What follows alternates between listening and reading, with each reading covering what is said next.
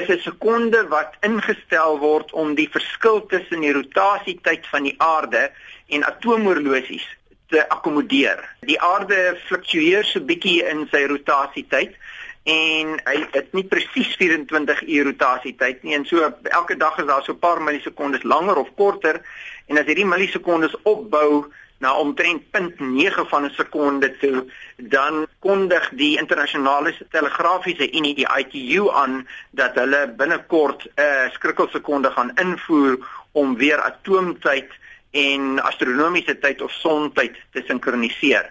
Wanneer het hierdie skrikkelsekonde plaasgevind en ehm um, hoe dikwels vind dit plaas?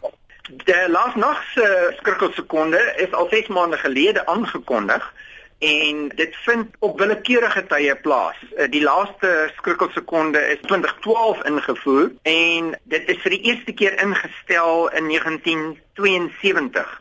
Tot en met 1972 was sogenaamde Greenwich Mean Time en atoomtyd dieselfde geweest maar die aardrotasietyd en die horlosies het op daai stadium al reeds 10 sekondes van mekaar verskil en toe het hulle 'n plan gemaak om in 1972 by verskeie geleenthede sulke skrikkelsekondes in te voer om net weer die horlosies te sinkroniseer met die rotasie van die aarde en die internasionale aardrotasiediens is die instansie wat verantwoordelik is om hierdie skrikkelsekondes dop te hou en aan te kondig en dit in te stel.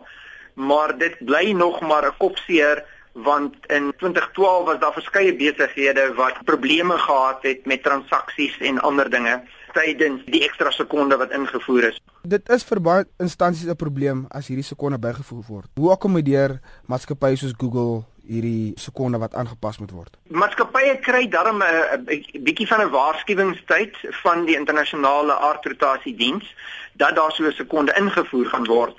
En sommige maatskappye besluit blootgewoon. Nasdaq, die aandelebeurs het gister byvoorbeeld vroeg gesluit om te keer dat hierdie sekonde nie tydens besigheidsure val nie en dit dan geakkommodeer in hulle horlosies.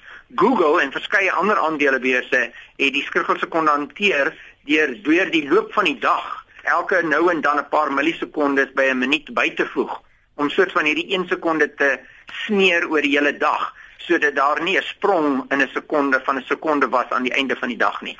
En die internasionale telegrafiese unie is tans besig met 'n debat oor of dit nie maar die manier is waarop hulle liewer die skrikkelsekonde moet invoer wat minder ontwrigtend is as 'n sekonde sprong aan die einde van die dag nie. En daar's nog uh, verdeeldheid daaroor. Die FSA wil dit afskaf en Engeland en Duitsland en Kanada wil hê dit moet bly. So ons gaan waarskynlik nog in die volgende paar jaar weer 'n skrikkelsekonde kry.